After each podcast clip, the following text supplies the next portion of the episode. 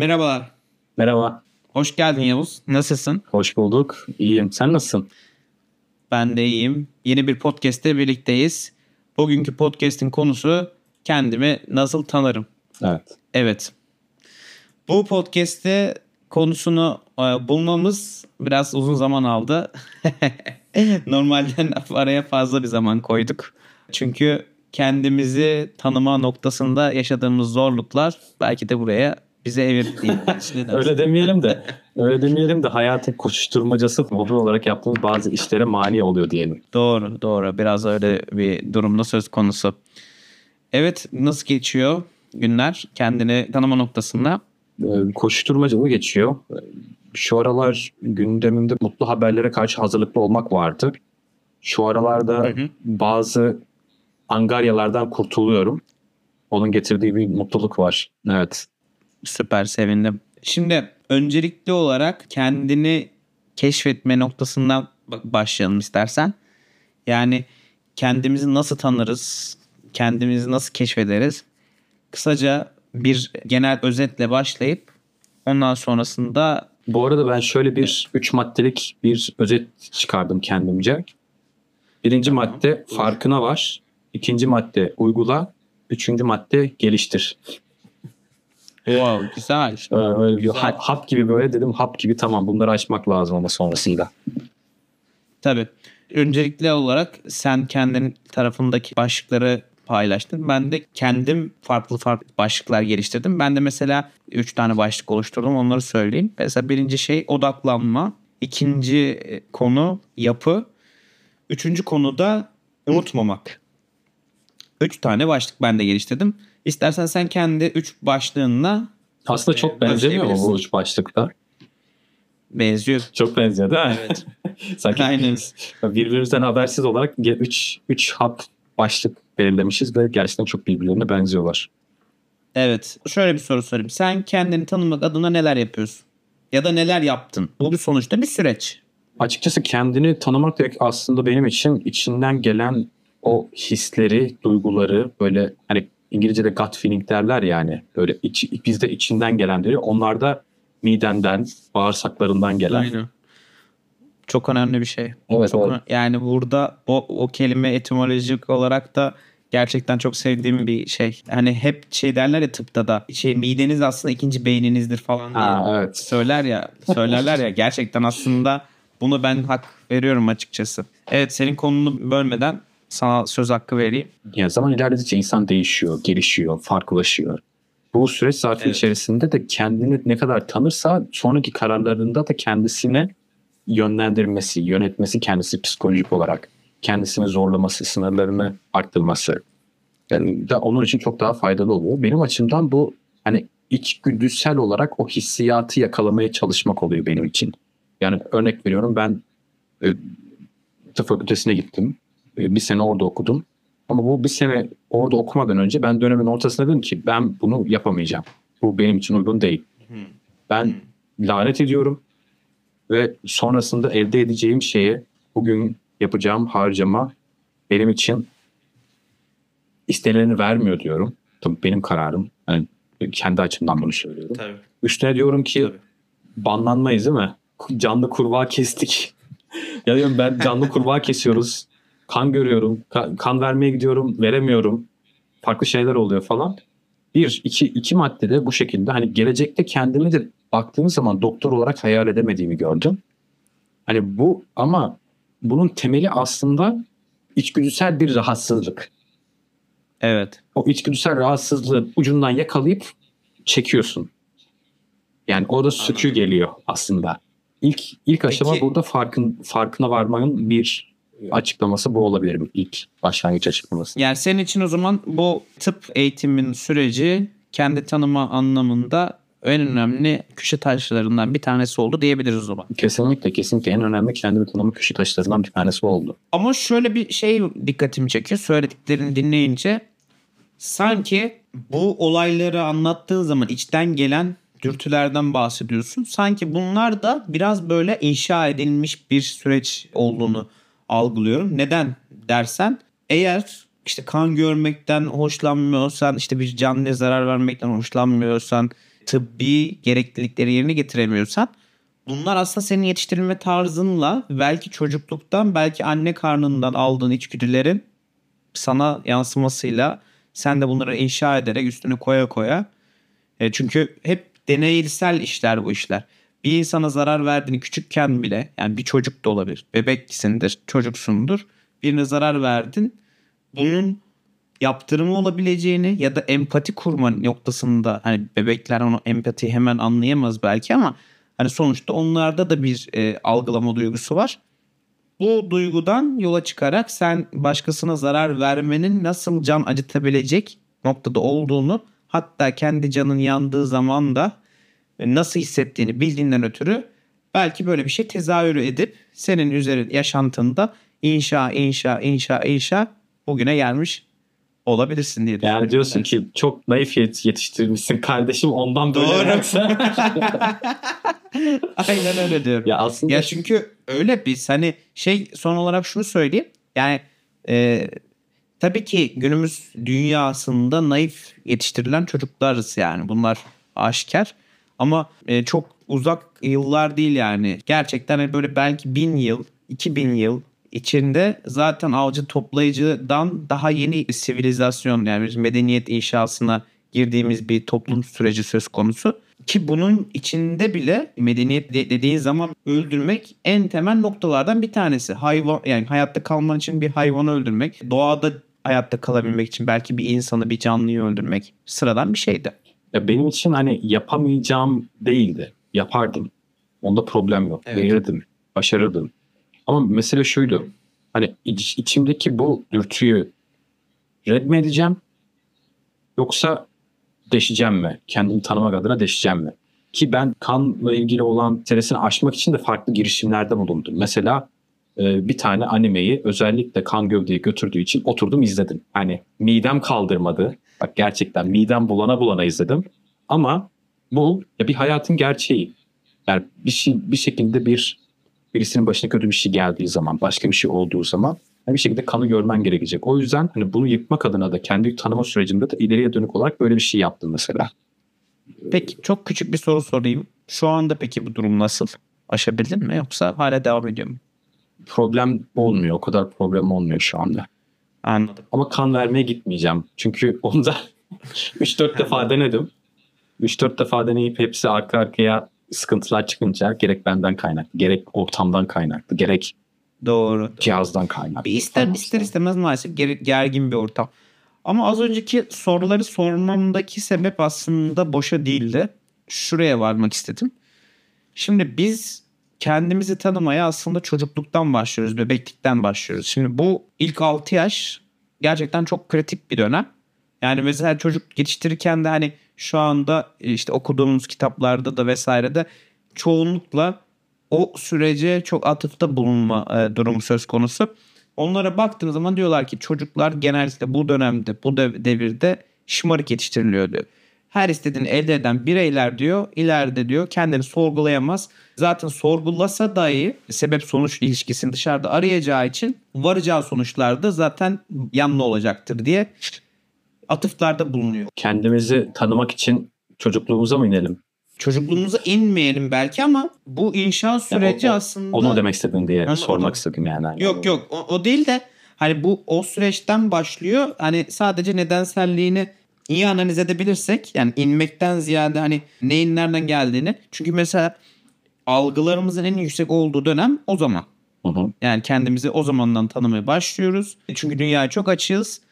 Sonrasında galiba 18 ya 16-18 yaş aralığında da bu süreç farklı bir evreye evriliyor. Yani artık daha stabil bir ortam ne olduğu ne bittiği belli. Sen de ona göre kendini şey yapıyorsun. O yüzden de senin de aslında galiba o süreçle bu süreç kesişiyor gibi. 16-18 yaş yani aralığı. Lise 2'deyken kodlama yapmış bir insanın hani aslında doktorluk mu bilgisayar mühendisliği mi arasında kalıp bir doktorluğu seçmiş birisiyim aslında ben. Hani sonrasında Evet, da evet. orayı bırakıp o an hoşuma giden ne vardı?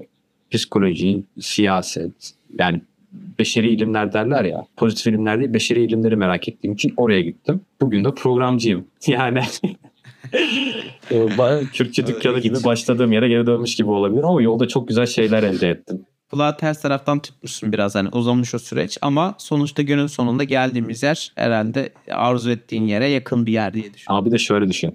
Benim aldığım eğitim gibi alan insanlar az. Yani sözelden yetişip sayısala geçen, sayısaldan yetişip sözel eğitim alan insanlar az.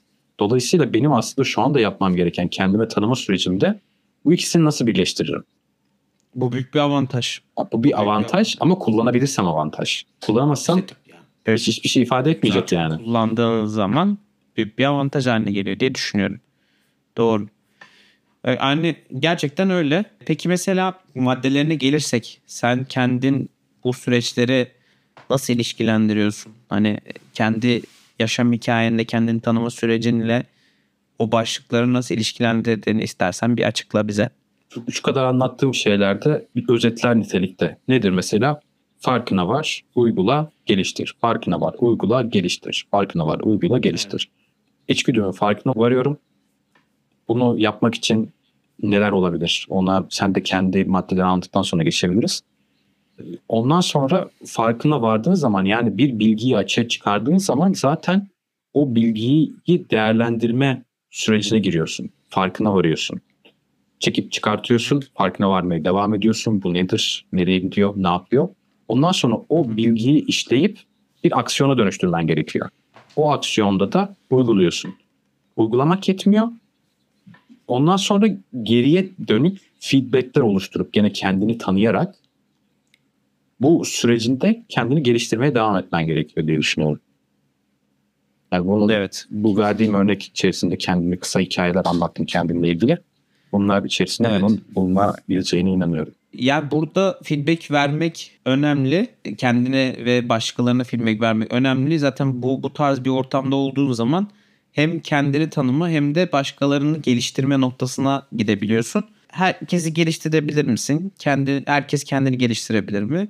Bu muallakta bir soru. Yani herkes için geçerli değildir bence. İsteyen için geçerlidir. Özellikle isteyen insana, çabası olan insan için geçerlidir diye düşünüyorum. Ama senin aramızdaki bu kurduğumuz bağı da referans alarak her bunları, bu süreçleri e, hakkıyla yerine getirdiğini düşünüyorum açıkçası. Eyvallah kardeşim bir mukavele.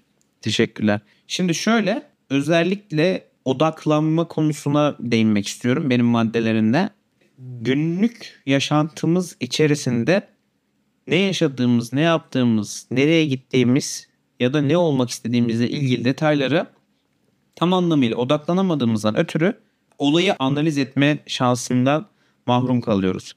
Yani burada olabildiğince kendi potansiyelimizi ve kimliğimizi yani esas kimliğimizle potansiyelimizi bir harmoni içine getirerek buradan artık ne çıkarabileceğimizi iyi analiz etmeliyiz diye düşünüyorum. Ama odaklanmadığımız zaman kendi iç yapılarımıza, kendi isteklerimizi hatta hatta ve hatta fiziksel olarak yaşadığımız bir acı da olabilir bu. Yaşadığımız bir sağlık problemi de olabilir. Buradaki o konuyu ya zaten geçer deyip aslında geç, geçmesini ve bırakmak aslında kendine odaklanmamaktır. Yani şöyle bir şey derler. Ben de bir tane kişisel gelişimle ilgili bir videoda e, görmüştüm. Bir deniz canlısı işte sü- sürekli kendisini böyle genişletmek adına işte sürekli kabuğunu kırmak için uğraşır, uğraşır, uğraşır. Bu acılı bir süreçtir, sancılı bir süreçtir ama yapılması gerekir. Çünkü büyümenin esas temel prensibi budur. Yani kendi kalıbını yıkmak. O yüzden de ben bunu odaklanmayla ilk önce başlatabileceğimizi düşünüyorum. Sonrasında bir yapısal zemin oluşturup da bununla birlikte işte kendimizi keşfettikçe işte kendimizi kendimizi belli hedefler, belli planlar oluşturduktan sonra kendimizi geliştirebileceğimiz alanların mümkün olabileceğini düşünüyorum. Tabii burada en önemli şey harekete geçmek. Şimdi biz genel olarak insanlara burada anlattığımız şeyler gerçekten böyle kendi hikayelerimizden yola çıkarak anlattığımız e, durumlar söz konusu. Bazen de ilham aldığımız insanlardan bahsediyoruz. Ama ilham alıp da e, harekete geçmiyorsak başkalarına da bunu anlatmamızın çok da bir anlamı olmaz diye düşünüyorum. Kıymeti harbiyesi olmaz diye düşünüyorum. Örnek vereceksin herhalde. Örnek geliyor. Kobe Bryant. Yok şimdi bu konuyla ilgili örnek vermeyecektim. Ee, ama şöyle söyleyeyim. Son noktaya değineceğim. Ondan sonra farklı farklı örnekler üzerinden gidelim. Mesela burada bir de unutmamak çok önemli diye düşünüyorum. Kendim hani belki senin maddelerinden de ayrışan bir madde olabilir bu. Unutmamak da önemli.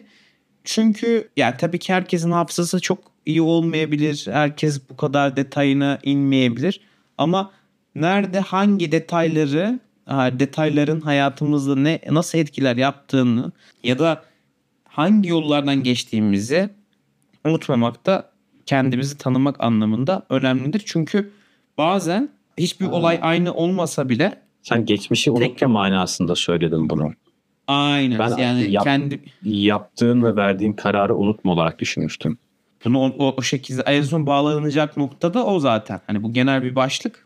En son geleceğimiz nokta da o. Kendi yaşadıklarını unutma. En sonunda da kendine verdiğin sözleri unutma. Yani burada tek bir perspektif değil. E, unutmamak dediğim gibi burada kritik. Çünkü bir karar alınıyorsa bunun o zaman doğru olduğu kanısına varılmıştır. Bu kanın doğrultusunda demek ki aksiyon gerekiyor diye ben bunu özetleyebilirim. Senin var mı bir örneği? Orada biraz kafam karıştı demek istediğinle ilgili. Odaklan, unutma, yap mı sıralama yoksa yani aksiyon yap da değil mi? yapının içerisinde en kritik nokta harekete geçmek. Şöyle söyleyeyim. Birinci aşama odaklanma. ikinci aşama yapı. Ha yapı. Üçüncü aşama hı. yapı, yapı. yapı, yap değil yapı. Unutma. Bu da seni harekete geçirecek öyle mi? Aynen öyle. Doğru. Evet. Yani çünkü geçmişte yaşanan acılar, geçmişte yaşanan olumsuzluklar bir araya geldiği zaman seni sen yapan etmenlerin aslında ortaya çıkma durumu söz konusu. Benim çok sevdiğim bir laf var. Burada onu söylemek istiyorum. Şu şimdiki kafam olsaydı o hataları yapmazdım ama o zaman hataları yapmasaydım da şimdiki kafam olmazdı diye bir cümle var. Bu ben bunu açıkçası seviyorum. Bilmiyorum sen ne düşünürsün ama çünkü gerçekten şu günümüzde ışık tuttuğunu ben açıkçası düşünüyorum. Bence tam hani farklı perspektiften geçmişteki benim müteşekkirim beni bugüne getirdi. Bence onlar tezat oluşturduğunu düşünmüyorum. Bence belli yani hatalarımızdan ders çıkardığımız için zaten ya da hatalarımızdan belli şeyleri gördüğümüz için işte bugüne geldik. Tabii tabii senin diye söylediğinin farklı bir e, açıdan Heh, tonu. söylüyor. Farklı Nüans. bir tondan söylüyor. Aynen. Aynen farklı bir nüans var orada.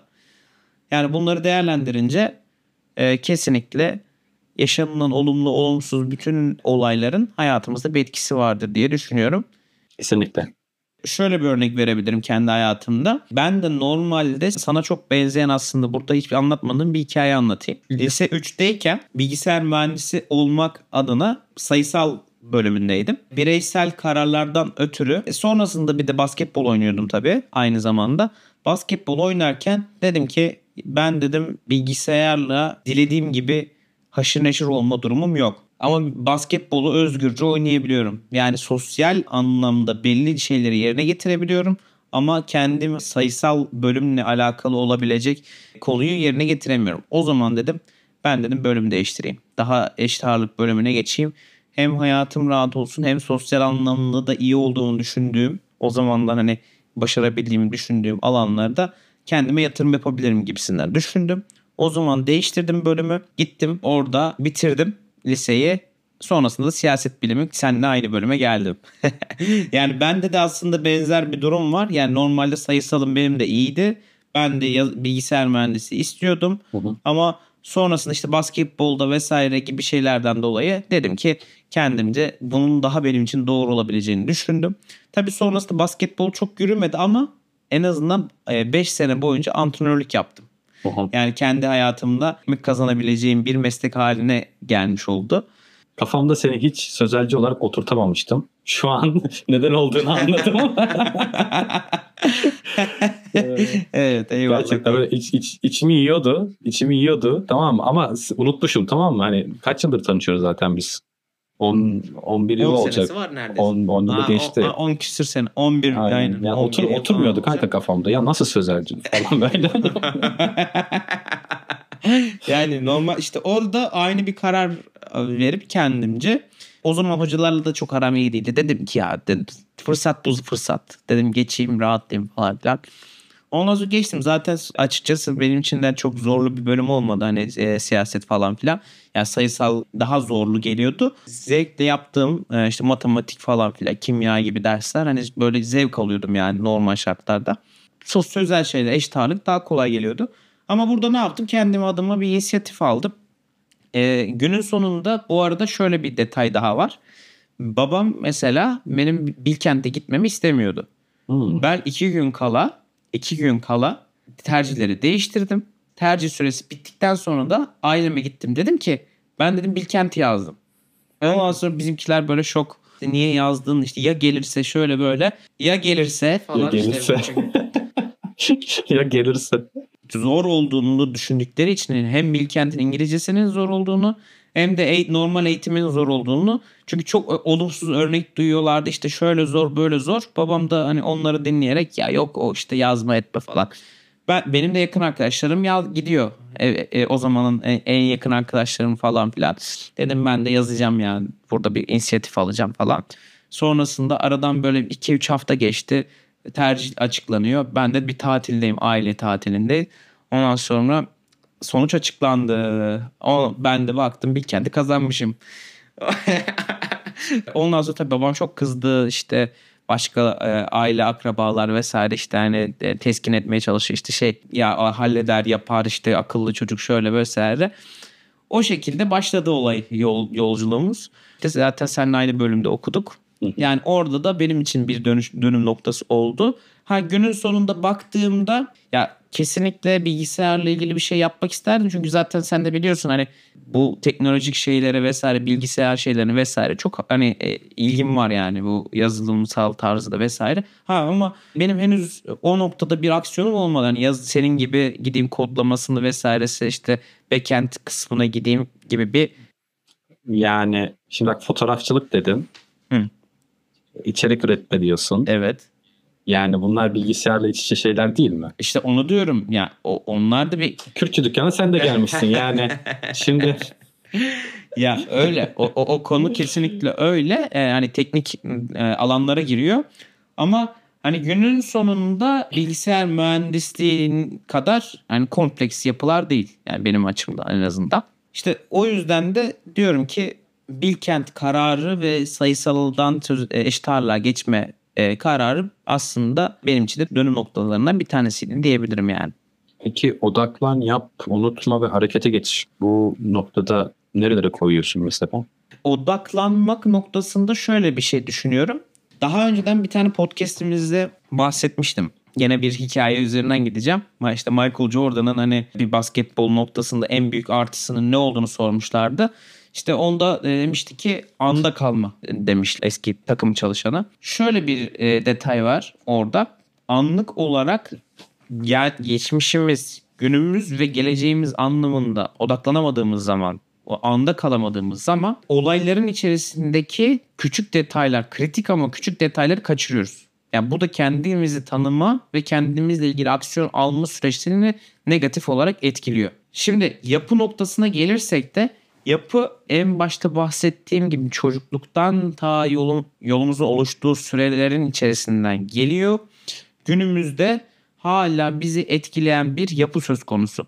Bu yapı esneyebilir ama belli sınırlamaları var, belli limitasyonu var. O yüzden de ben de diyorum ki yapımızın da ne olduğunu iyi analiz edip en sonunda unutmamayı da hani ne yaşadık, ne ettik, kimiz, nereden geldik unutmayıp da en sonunda aksiyona geçelim. Benim genel olarak hani perspektifim burada bu şekilde. Süremizi bayağı bir kullandık. Geri kalan da o zaman senin modeline göre aksiyon maddeleri sıralayalım bu yapılar içerisinde. Ne dersin? Nasıl yapalım bunu? Ya mesela örnek veriyorum nasıl odaklanacaksın? Hı. Bir yapının mı farkına varacaksın yoksa yapı mı oluşturacaksın?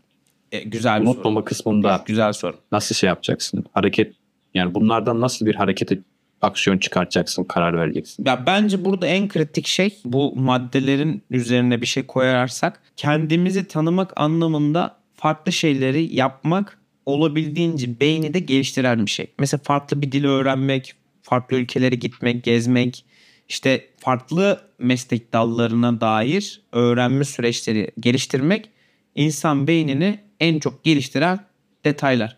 Şimdi bu, bu tarz küçük detayları yaptıkça zaten o yapı önceden bahsettiğim yapının zaten sınırları ve çerçevesi genişleyecek.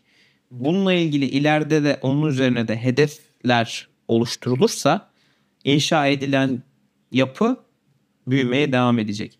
En son noktada da hani harekete geçme noktasında da bizi aksiyondan alıkoyan detayları farkına varıp anında kalıp odaklanarak ve ne yaşadığımızı unutmayarak bunları bir harmonize etmek gerekiyor diye düşünüyorum.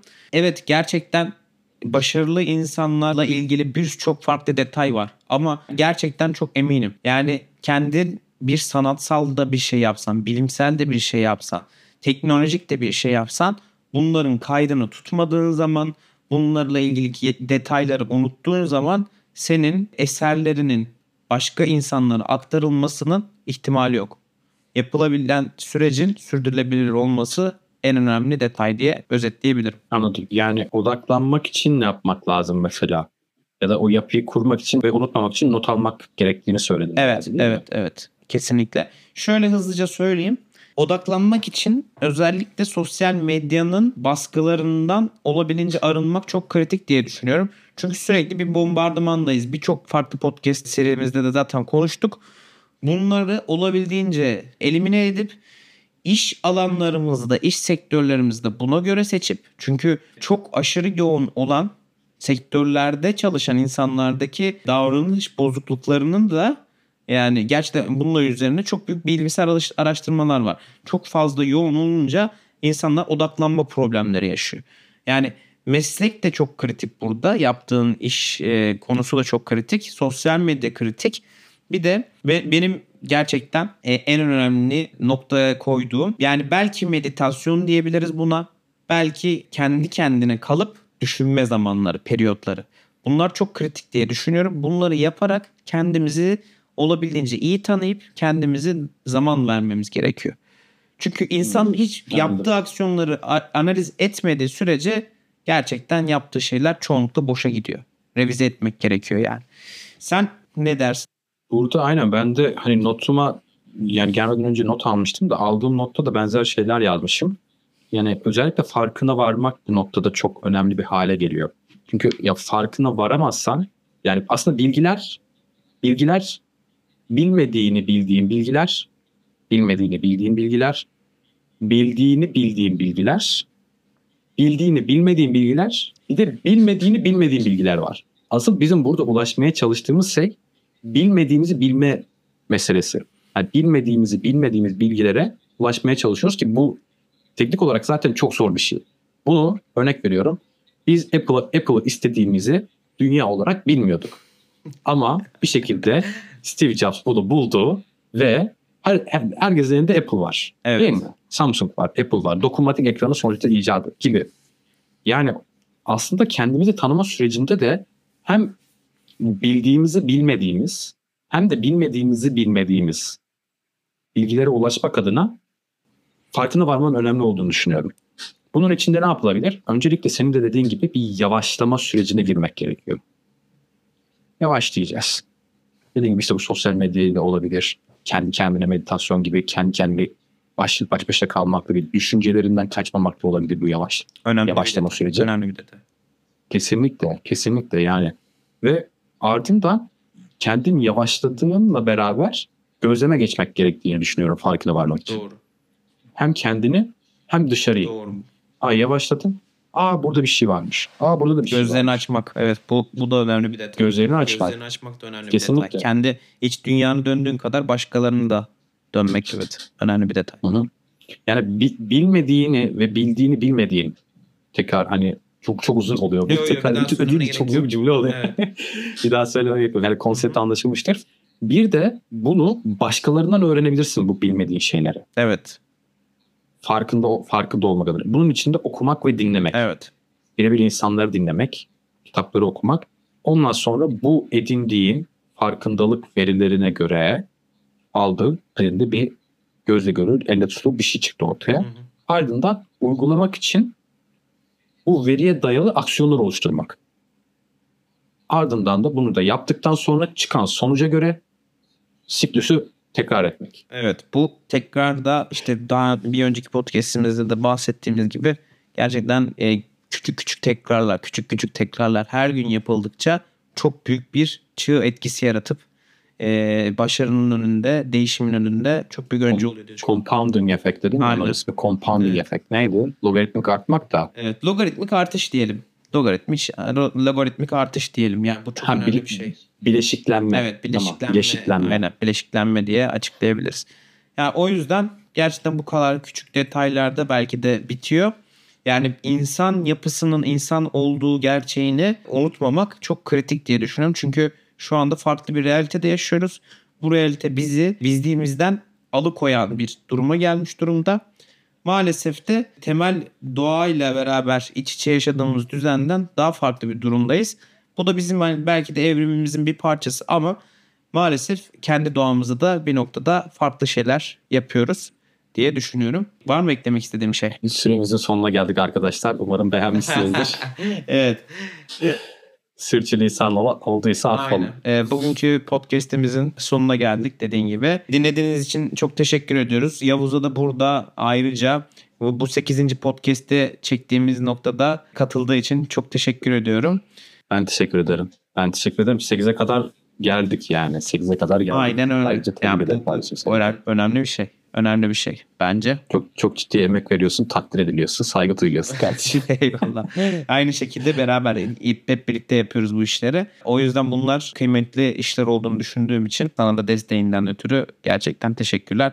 Bir sonraki podcast'te görüşmek üzere. O zaman hoşça kalın. güle güle. Bay bay.